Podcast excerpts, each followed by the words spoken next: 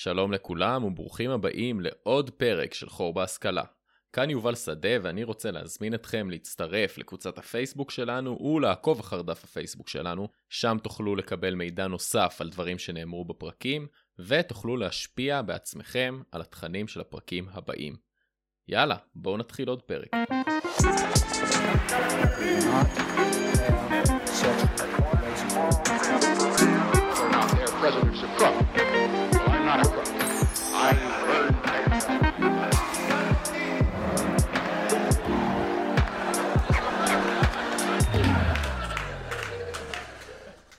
שלום לכולם, ברוכים השבים.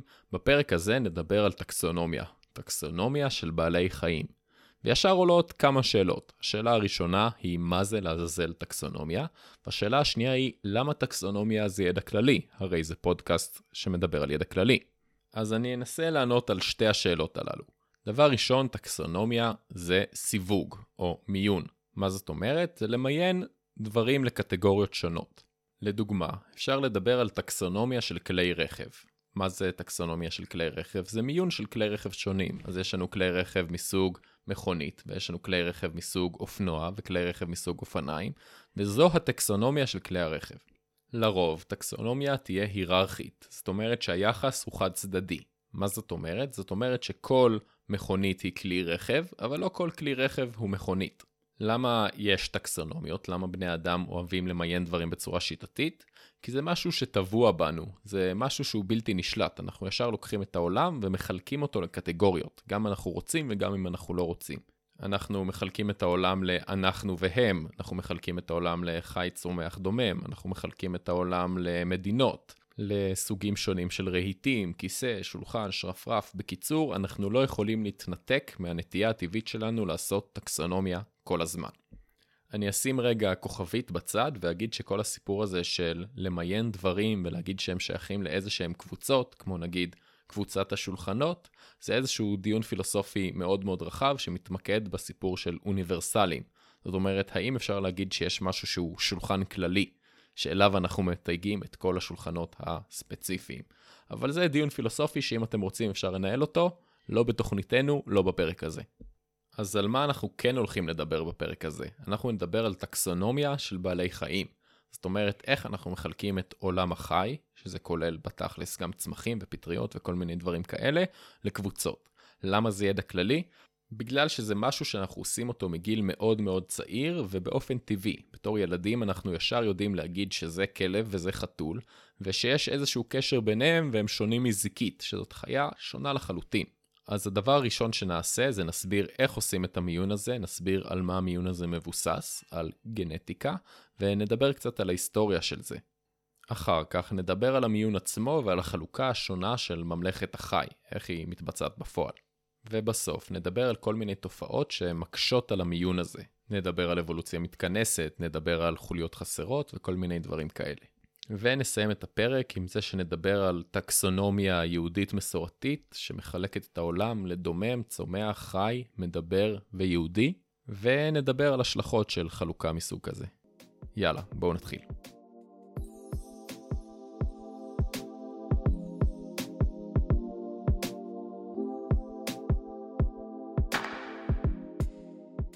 אז כמו שאמרתי קודם, בני אדם ממיינים את הסביבה שלהם גם בלי שליטה. אי אפשר להימנע מזה. ולכן הטקסונומיה הראשונה של בעלי החיים הייתה טקסונומיה עממית. מה זו טקסונומיה עממית? דמיינו חלוקות כמו בהמות, או חיות משק, או ברווזים, חרקים. טקסונומיות מאוד מאוד פשוטות וברורות. עכשיו, יש כאן איזושהי בעיה, בגלל שאפשר לחלק כל דבר להרבה מאוד קבוצות. אפשר לשים ברווזים בקבוצה של העופות, ואפשר לשים את הברווזים בקבוצה של חיות המשק יחד עם הפרות. אז איך בדיוק מחליטים? איך אנחנו יכולים להגיד מהי החלוקה הנכונה? ובכן, בתחילת המאה ה-17 נולד אדם בשם קרל פון לינה, והוא החליט שהוא עושה סדר בכל הסיפור הזה. קרל שלנו היה אמור להיות איש דת, כומר, בדיוק כמו כל שאר המשפחה שלו, אבל בתור ילד הוא התעניין יותר בגן הבוטני ובאיסוף צמחים וההבנה שלהם מאשר שהוא התעניין בדת. רופא המשפחה של קארל שם לב שלילד יש פוטנציאל, והוא גרם לזה שישלחו אותו ללמוד רפואה, במקום שהוא יהיה כומר. לאחר לימודיו הוא הצליח להשיג עבודה בגנים הבוטניים של העיירה אופסלה. ומשם, משם הכל היסטוריה. למה? כי קרל פון לינה התחיל להסתובב בעולם, והתחיל לתעד את עולם החי ולמיין אותו, למיין אותו בשיטתיות. הוא המציא לכל החיות שמות בלטינית, שמות שנראו לו הגיוניים, נגיד לבני האדם הוא קרא הומו ספיאנס, האדם הנבון, ואילו לקבוצת היונקים הוא קרא יונקים בגלל שהם יונקים, חלב. קרל, שהיה עילוי בתחום החדש שהוא יצר, עזב מהר מאוד את עולם הרפואה והפך להיות פרופסור לבוטניקה במשרה מלאה. העדויות והסיפורים על קארל מתארות בן אדם מאוד נחמד וחביב, אבל זה לא אומר שהוא לא היה נאמן לדרך המדעית שלו, והוא גם לא פחד להתעמת, אפילו עם הכנסייה. לדוגמה, קארל, שחי כמאה שנה לפני דרווין ובכלל לא ידע מה זה אבולוציה, החליט שהוא מסווג את בני האדם בתוך קבוצת הקופים. למה? כי זה נראה לו הגיוני, זה נראה לו נכון מבחינה זואולוגית, גם אם הכנסייה אומרת הפוך. הישגים נוספים של קרל פון לינה כוללים את המצאת הסמלים של זכר ונקבה, כמו שאנחנו מכירים אותם היום, העיגולים האלה עם החץ והפלוס. וחוץ מזה, הוא היה ממייסדי האקדמיה השוודית המלכותית למדעים, המוסד שהיום מחלק את פרסי הנובל. מה שמעניין בשיטת הטקסונומיה של קרל פון לינה, זה שהוא ביסס אותה בעיקר על דמיון פיזי, על שלדים של בעלי חיים ועל דמיון בין צמחים שונים. זה כביכול שיטה די פרימיטיבית. היום אנחנו משתמשים בגנטיקה ואבולוציה בשביל למיין בעלי חיים, אבל באופן די מרשים, השיטה שפונלינה פיתח היא פחות או יותר הבסיס לשיטה המודרנית, ולא נוצרו שם יותר מדי שינויים מאז. אז אם כבר הזכרנו את השיטה המודרנית, בואו נספר על איך זה נראה היום, איך מתייחסים היום למיון של בעלי חיים. כיום, השיטה המודרנית מבוססת על כרונולוגיה, זאת אומרת מי התפתח ממי. כמו בפוקימון, יש לנו פוקימון כמו צ'רמנדר, והוא מתפתח לצ'רמיליון ולצ'אריזארד. ועכשיו אני אנסה להסביר את זה לאנשים שלא גדלו בשנות ה-90. תדמיינו שיש לכם חיה עם אב קדמון משותף. אפשר לקחת דוגמה יחסית קלה, כלב.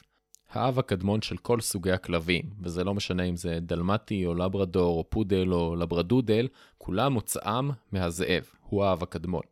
ולכן, אם נמיין לפי שיטת המיון המודרנית, אנחנו נצטרך לדמיין איזשהו עץ, כמו עץ משפחה, שבראש שלו נמצא הזאב, וממנו מסתעפים כל סוגי הכלבים האחרים. וככה נראית כל הטקסונומיה המודרנית. יש איזשהו אב קדמון, וממנו מתפצלים כל שאר הזנים.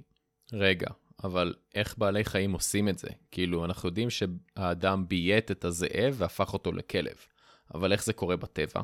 אז התיאוריה שמדברת על התפתחות של בעלי חיים מבעלי חיים אחרים נקראת אבולוציה. והיא כבר מזמן לא נחשבת לתיאוריה, אלא קונצנזוס מדעי. אני אנסה עכשיו לתאר באופן מאוד מאוד בסיסי מה זה אבולוציה, רק בשביל שניישר קו. אז המנגנון האבולוציוני מתבסס על הישרדותם של המתאימים. זאת אומרת שבעלי חיים שהם יותר מותאמים לסביבה שלהם, הם בעלי החיים ששורדים והם מורישים את הגנים שלהם לצאצאים שלהם. עד כאן זה די אינטואיטיבי. בעל החיים שיותר מתאים לסביבה הוא זה ששורד. באזורים קרים ישרדו בעלי חיים עם פרווה עבה והרבה שומן, ואילו במדבריות ישרדו בעלי חיים שלא צריכים הרבה מאוד מים. אבל איך מכל מה שתיארתי נוצר שינוי? זה נשמע בדיוק הפוך, מי שהכי מתאים שורד, ולכן המערכת צריכה סוג של להתקבע דווקא. אז פה נכנס לנו הסיפור של מוטציות. מה זאת אומרת מוטציות? כמו בצבי הנינג'ה? לא ממש. מוטציה גנטית מתארת שבעל חיים נולד עם תכונה שלא הייתה להורים שלו. זאת אומרת שיש איזושהי מניפולציה בגנים שהיא אקראית, היא פשוט קרתה. בואו נדמיין את זה רגע. יש חיה בסוואנה של אפריקה שאוכלת עשב. היא נראית כמו גמל. ופתאום החיה הזאת מזדווגת ויוצא לצאצא, והצאצא הזה גבוה קצת יותר מכל שאר החיות. עכשיו, לאותה חיה יש יתרון על שאר החיות בגלל שהיא גבוהה יותר ויכולה לאכול את העלים של העצים, מה ששאר החיות פשוט לא מצליחות. לכן, החיה הזאת שורדת, כי היא הכי מותאמת לסביבה שלה לעומת שאר החיות האחרות, והיא מביאה הרבה מאוד צאצאים, שהם גם גבוהים, כי זה עובר בגנים. ואם התהליך הזה יימשך מספיק זמן, אז נקבל חיה שהיא גבוהה יותר משאר החיות, ונקבל ג'ירפה. ככה נוצרת ג'ירפה. עכשיו, אני מקווה מאוד שברור לכם שמה שתיארתי הוא השטחה של התהליך האבולוציוני, שנמשך בתכלס אלפי שנים ואפילו מיליוני שנים. אבל זה העיקרון, חיה מקבלת באופן אקראי לחלוטין תכונה שהיא מהווה יתרון, ולכן הצאצאים שלה שורדים והם מעבירים את הגן הזה. חשוב לי להדגיש שההסבר הזה שונה מההסבר התכליתי של האבולוציה, שהוא פשוט טעות. מה זאת אומרת הסבר תכליתי? דוגמה להסבר תכליתי זה הג'ירפה נהייתה גבוהה כדי להגיע לעצים. שימו לב שבהסבר הזה יש כוונה, יש תכלית. הג'ירפה נהייתה גבוהה יותר בגלל שזה שירת איזושהי מטרה. אבולוציה לא עובדת ככה, אבולוציה היא אקראית לחלוטין. אם יצא בטעות שיש לך איזשהו יתרון, ניצחת, אבל אין פה שום כוונה של אף אחד. זהו, זה כל ההסבר שלי על אבולוציה. למה הסברתי את זה? כי הטקסונומיה המודרנית משתמשת באבולוציה ובגנטיקה כדי להבין מי בא קודם, או מי התפתח ממי. ועכשיו, כשסיימנו עם כל ההסברים ועם כל ההקדמות, אפשר להגיע לתכלס ולענות על השאלה מי התפתח ממי.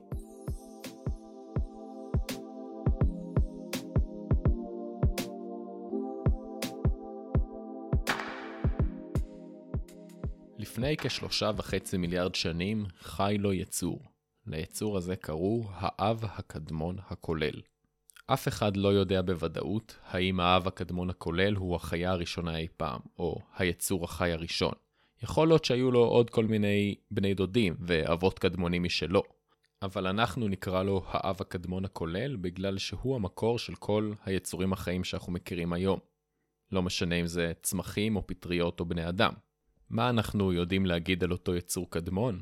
האמת שלא הרבה בכלל, אבל אנחנו כן יכולים להגיד שהיה לו DNA, שזה כבר משהו, ושהוא ענה להגדרה של יצור חי. זאת אומרת שהוא קיים את התנאים הביולוגיים שאנחנו מגדירים כמספקים לחיים. זאת אומרת שהיצור הזה התרבה, חוץ מזה היה לו חילוף חומרים, היה לו איזשהו סדר פנימי די ברור של האיברים שלו, הוא קיים סוג של מחזור חיים, זאת אומרת שהוא נולד ומת, והוא העביר את המטען הגנטי שלו לצאצאים שלו. ואם יש לנו יצור שמעביר את המטען הגנטי לצאצאים שלו, אז יש לנו גם אבולוציה. אז רגע, מי היו אותם צאצאים של האב הקדמון המשותף? אפשר לאפיין את הצאצאים של אותו אב קדמון לשלוש קבוצות. קבוצה אחת נקראת חיידקים קדומים, קבוצה שנייה נקראת בקטריות, ואילו הקבוצה השלישית נקראת אקריוטים. שתי הקבוצות הראשונות הן משפחות עצומות של חד-תאים, ואילו הקבוצה של האקריוטים היא הקבוצה שמעניינת אותנו יותר. אז מה זה אקריוטים? אקריוטים זה יצורים חיים שיש להם גרעין ועברונים. והמשמעות של המילה אקריוטים היא באמת בעלי גרעין. אז מה בעצם אמרתי עכשיו? דיברתי על תאים. תאים זה המבנה הבסיסי של עולם החי. וגרעין זה החלק בתא שבו נמצא ה-DNA. ועברוני מתייחס לכל האיברים הקטנים שנמצאים בתוך התא, שעושים כל מיני תפקידים למען קיום החיים, כמו חילוף חומרים. בטח שמעתם על המילה ריבוזום, אז ריבוזום הוא סוג של עברון. רגע, רגע, רגע, למה אני מבלבל את השכל עכשיו על תאים? דיברנו על מיון בעלי חיים לקבוצות. אז דיברתי על זה כי האקריוטים הם הקבוצה הכי מעניינת בעולם הטבע, בגלל שאנחנו אקריוטים. ולא רק אנחנו, גם פטריות הם אקריוטים וגם עצי אקליפטוס הם אקריוטים. כל היצורים האלה הם יצורים בעלי תאים, שבתאים האלה יש גרעין ואברונים. אז אם עדיין לא נפל האסימון, מאותה קבוצה של אקריוטים, שהם גם סוג של אבות קדמונים שלנו, התפצלנו לקבוצות יותר קטנות. קבוצה של צמחים ואצות, וקבוצה של בעלי חיים ופטריות. את הצמחים נעזוב בצד בינתיים ונשאר עם הקבוצה של בעלי החיים והפטריות, שבאיזשהו שלב גם היא התפצלה, ובעלי חיים לקחו כיוון אחד ואילו פטריות לקחו כיוון שני. רגע, רגע, רגע, תנו לזה לחלחל שנייה. הדבר הזה אומר שפטריות יותר קרובות גנטית אלינו מאשר לצמחים. המטען הגנטי של פטריות שיושבות אצלכם במקרר, נגיד שמפיניון, יותר דומה למטען הגנטי של בני אדם, מאשר שהוא דומה למטען הגנטי של המלפפון שיושב במגירה ליד. מבחינתי זה די בלתי נתפס, אבל אולי זה רק אני. טוב, אז עזבנו את עולם הפטריות והמשכנו הלאה. אנחנו בקבוצת בעלי החיים. התפצלנו כבר מהצמחים ומהאמבות ומכולם, ועכשיו זה רק אנחנו. אז מה ההבדל בין בעלי חיים לבין כל שאר היצורים שדיברנו עליהם, צמחים, איקריוטים, בלה בלה בלה? ההבדל הוא שבעלי חיים הם יצורים רב-תאיים. זאת אומרת שאנחנו לא מורכבים רק מתא אחד, אלא מהרבה מהם. חוץ מזה, אנחנו נושמים חמצן, אנחנו עשויים מחומר אורגני, אנחנו יכולים לזוז, ואנחנו מתרבים. זאת אומרת, משתדלים להתרבות, לא כולם מצליחים, ולא כולם רוצים גם. בכל מקרה, קבוצת בעלי החיים היא קבוצה מאוד מגוונת ומאוד גדולה. יש כמיליון וחצי מינים שונים של בעלי חיים שמוכרים למדע. אבל גם את הקבוצה הזאת של בעלי חיים אנחנו נוהגים לחלק, והחלוקה הראשונה היא חלוקה די פשוטה. בעלי חיים עם סימטריה לעומת בעלי חיים בלי סימטריה. רגע, לאיזה ממיני בעלי החיים אין סימטריה? כולנו הרי יפים ואסתטיים, לא ככה? אז קודם כל, אתה לא חייב להיות סימטרי בשביל להיות יפה. יש בעלי חיים מאוד יפים שנמצאים בקבוצה של החיות הלא סימטריות, כמו אלמוגים לדוגמה. ומלבד אלמוגים, הקבוצה של החיות חסרות הסימטריה כוללת עוד חיות מקסימות כמו מדוזות. אבל אנחנו, כמובן, מתעניינים בחיות הסימטריות, כי אנחנו סוג של חיות סימטריות בעצמנו. אז גם את החיות הסימטריות נהוג לחלק לשתיים, וזו חלוקה כבר יותר מוכרת, שאולי שמעתם עליה. מדובר בחלוקה של חסרי חוליות ובעלי חוליות. אני רוצה לדבר קודם על החסרי חוליות. קודם כל, חשוב לי להגיד שהאפיון של חסרי חוליות כקבוצה הוא לא מדעי, אלא עממי. זאת אומרת שמדובר בקבוצה שמי ששייך אליה הוא פשוט לא שייך לקבוצה השנייה של בעלי חוליות. אז מי נמצא שם? בקבוצה של חסרי חוליות כלולים כל הפורקי רגליים, זאת אומרת, הכבישים, עקרבים, חרקים, סרטנים. חוץ מזה, גם כל הרכיחות כלולות שם. תמנונים, שבלולים, פוליטיקאים, כל מי שאין לו חוט שדרה. סליחה על הבדיחת אבא, לפעמים זה מתפלק לי. ומי נמצא בקבוצה של בעלי החוליות? ובכן, האבות הקדמונים שלנו. ולא, אני לא מדבר על קופים, אלא על דגים. דגים? מה הקשר דגים? האבות הקדמונים שלנו הם בכלל קופים, אנחנו יונקים. על מה אתה מדבר, יובל? על מה אתה מדבר? אז לפני שהאדם התפתח מהקוף, קודם כל היה דג שהיה צריך לצאת מהמים. והדגים הם הקבוצה הקדומה ביותר של בעלי חוליות, זאת אומרת, חיות שיש להם עצמות וחוט שדרה. ובאמת, לפני כ-500 מיליון שנה, הדגים היו החיות הכי מפותחות בעולם. הם היו טכנולוגיית ה-5G של עידן הקמבריון, אבל כל הטכנולוגיות סופן להתיישן, ולפני בערך 370 מיליון שנה קמו יורשים לדגים, חיות שהתפתחו מהדגים עצמן. לחיות האלה קראו דו-חיים, והם התפתחו מדגים שפלירטטו עם היבשה. אז מה זה דו-חיים? דו-חיים זה חיות בעלות ארבע גפיים, ממש כמונו, שמסוגלות לנשום חמצן מחוץ למים, בדיוק כמונו. מה הם שאר המאפיינים של דו-חיים? אז דו-חיים, כשמם כן הם, הם חיים גם בתוך המים וגם מחוץ למים. אני לא אכנס עכשיו לכל המחזור החיים של הדו-חיים, שכולל ראשן ובלה בלה בלה, אבל תדעו שיש חיות כאלה. איזה סוג בעלי חיים מוכרים הם דו-חיים? אז צפרדעים, קרפדות, סלמנדרות, טריטונים, כל מיני חיות חמודות כאלה. אבל גם הדו-חיים לא היו ההתפתחות האחרונה. כי לפני 300 מיליון שנה קמו בעלי חיים חדשים שהתפתחו מאותם דו-חיים. בעלי החיים האלה הם זוחלים. מה זה זוחלים? חיות שאנחנו מכירים, כמו צבים ותנינים, לטאות, נחשים. מה החידוש הגדול בזוחלים לעומת דו-חיים? בעיקר שהם כבר לא תלויים בסביבה המימית. זוחלים יכולים להיוולד על הקרקע, לנשום רק חמצן, ואפילו חלקם לא יראו מים בחייהם, כמו זוחלים שחיים במדבר. מאפיינים נוספים של זוחלים כוללים בדרך כלל אור שמורכב מקשקשים, וזה שהם לא מסוגלים לשמור על חום הגוף שלהם, זאת אומרת אין להם יכולת לווסת את הטמפרטורה שלהם כמו בני אדם על 36.5. אבל גם הזוחלים, שהם כבר היו גרסה ממש ממש מודרנית של בעלי חיים, לא היו הגרסה האחרונה. ומקבוצת הזוחלים יש פיצול לשתי קבוצות אחרות. קבוצה אחת היא קבוצת הדינוזאורים, ואילו הקבוצה השנייה היא קבוצת היונקים. אני לא ארחיב יותר מדי על דינוזאורים, אבל אגיד שההבדל העיקרי בינם לבין זוחלים היה שדינוזאורים כנראה כן ידעו לווסת את חום הגוף שלהם. אבל למי אכפת? הרי כולם נכחדו בכל מקרה. אז האמת שזה לא נכון, כי יש דינוזאורים שמסתובבים איתנו כל הזמן. הדינוזאורים האלה הם כמובן העופות.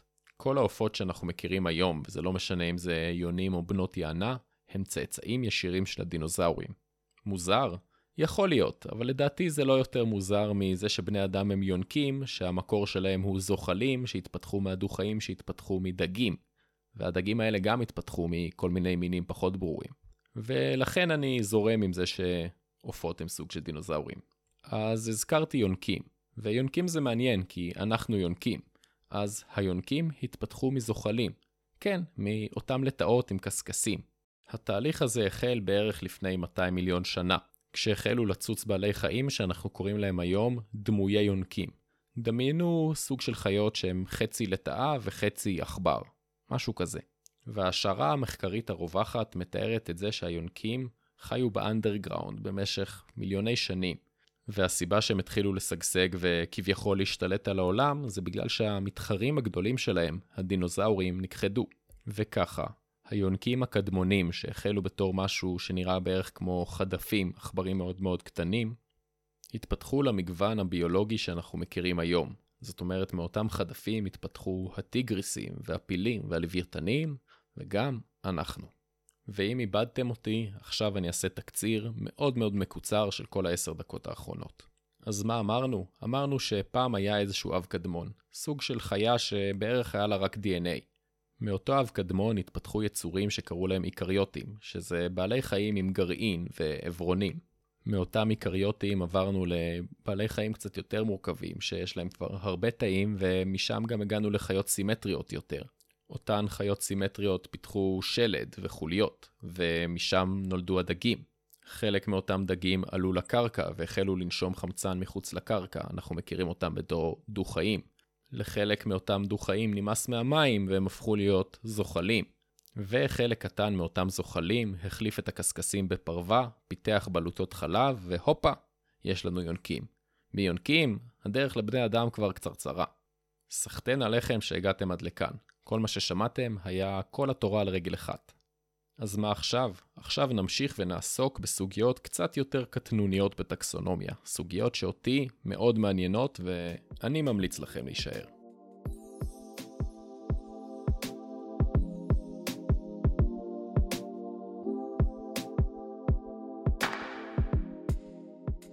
זוכרים שדיברתי בהתחלה על קרל פון לינה ועל הטקסונומיה שלו, ואמרתי שהוא חילק את בעלי החיים לפי דמיון פיזי, ולא לפי גנטיקה או אבולוציה, פשוט כי עוד לא המציאו את הדברים האלה בתקופה שלו?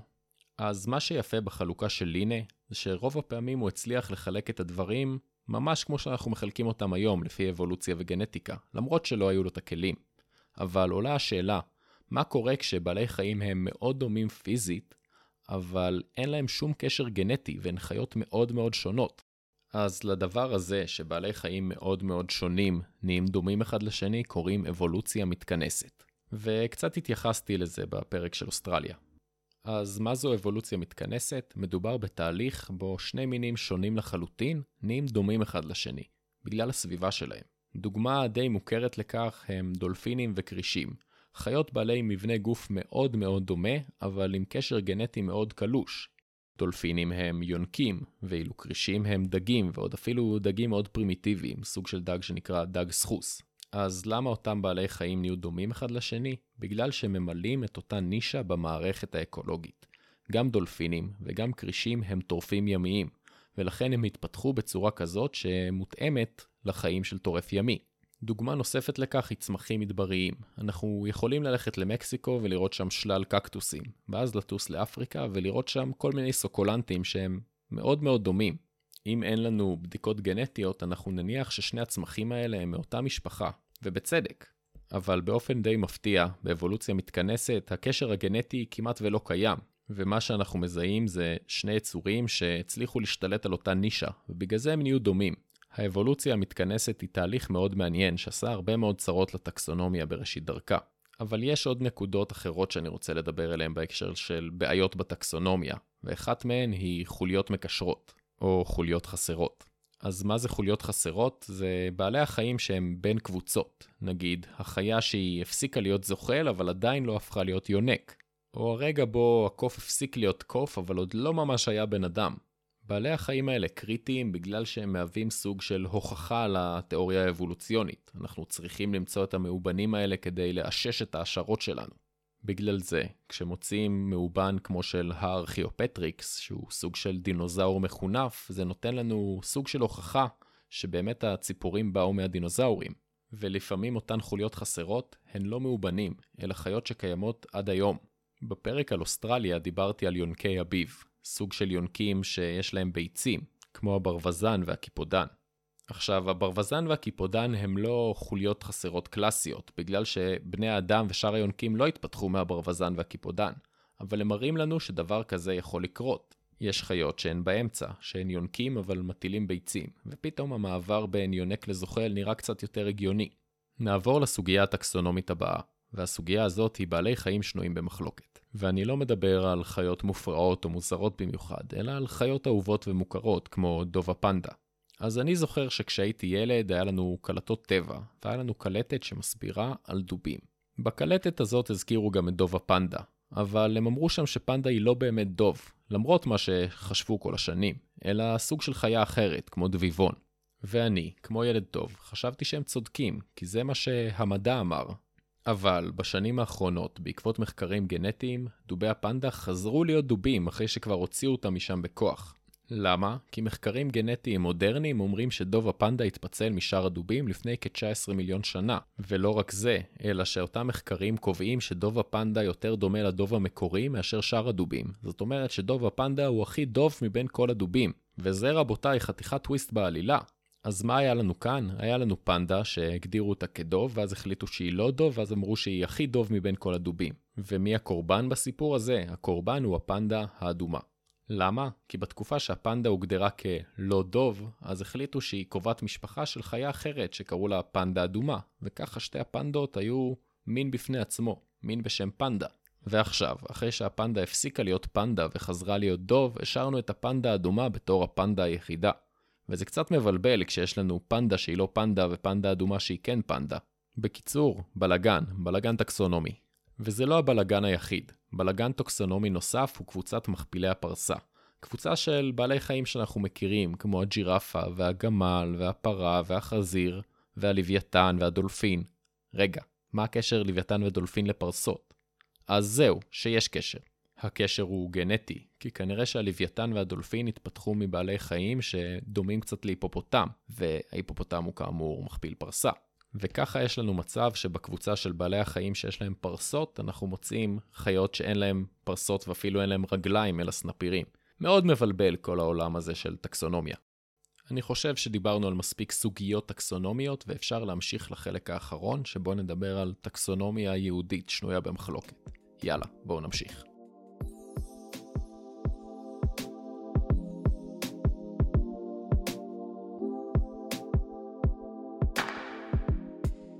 נחשפתי אל הסוגיה שאני הולך לדבר עליה עכשיו דרך פוסט בפייסבוק. אותו פוסט הכיל תמונה, שבתמונה מוצגים חמשת דרגות הבריאה לפי כביכול היהדות. בתמונה מוצגת חלוקת העולם לפי חמש קטגוריות. הקטגוריה הראשונה היא דומם, השנייה צומח, השלישית חי, הרביעית מדבר, ואילו החמישית יהודי. אני מניח שאני לא צריך להרחיב פה לאף אחד מה זה דומם, צומח וחי. אבל מה זה מדבר?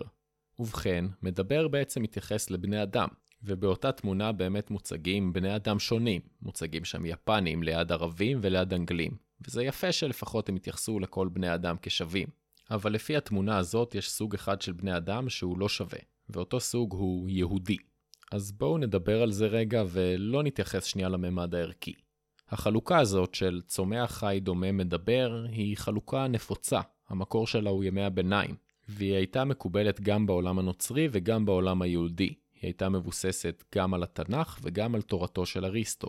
סך הכל מדובר בתורה היררכית, שרואה את הדומם בתור הדבר הכי נחות בעולם, מעליו את הצומח, אחריו את החי, ובסוף את האדם, שמעליו נמצא רק האל. וזה לא משנה אם זה האל הנוצרי או היהודי. אז מאיפה הגיעה אותה דרגה חמישית, הדרגה של יהודי? אז הדרגה הזאת הגיעה מספרו של רבי יהודה הלוי, במאה ה-12, ספר שנקרא הכוזרי. באותו ספר מתואר כי בני האדם הרגילים, אותם מדברים, נחנו ביכולת שכלית, אך אין להם את העניין האלוהי, את אותה נפש מיוחדת שיש רק ליהודים. תורה זו פותחה יותר מאוחר על ידי חלק מהחסידויות, שטענו כי לבני האדם הרגילים יש נפש בהמית, לעומת היהודים שיש להם נפש אלוקית. אני הבאתי לכם פה את הפשט ולא את הדרש, ובאמת ניסיתי למצוא פרשנויות שונות לעניין הזה, ומצאתי כל מיני דברים, שחלקם פירשו את זה לכיוון מסוים וחלקם לכיוון אחר. חלק טענו כי רבי יהודה הלוי בכלל לא התכוון לדבר הזה. והחלק השני, החלק השני פשוט קיבל את זה, והסכים עם הטענה שלגויים חסר משהו שיש ליהודים, אותו עניין אלוהי, ושאכן לגויים יש נפש בהמית. מה אני חושב על זה? אני חושב שדעתי האישית לא מאוד מעניינת, אבל הדעה שלי היא בעיקר שצריך לחשוף את הדברים האלה לכמה שיותר קהל. בעיקר כדי להכיר את המציאות שבה אנחנו חיים. ולמרות שאמרתי שלא אביע את דעתי, אני רק רוצה להגיד שהפעם האחרונה שערבבו גנטיקה וטקסונומיה ואבולוציה עם כל מיני תיאוריות ערכיות, אז זה לא נגמר טוב. וזה, זה הלקח העיקרי לדעתי. בנימה אופטימית זו, אסיים את הפרק. תודה רבה לכם שהקשבתם. אם הפרק הזה היה נשמע לכם מוכר, אז הוא מבוסס על הרצאת TED שפעם העברתי באיזשהו ערב של האוניברסיטה. אולי יצא לכם לשמוע. שוב תודה לכם שהקשבתם. מקווה שהצלחתי למלא לכם קצת את החור בהשכלה.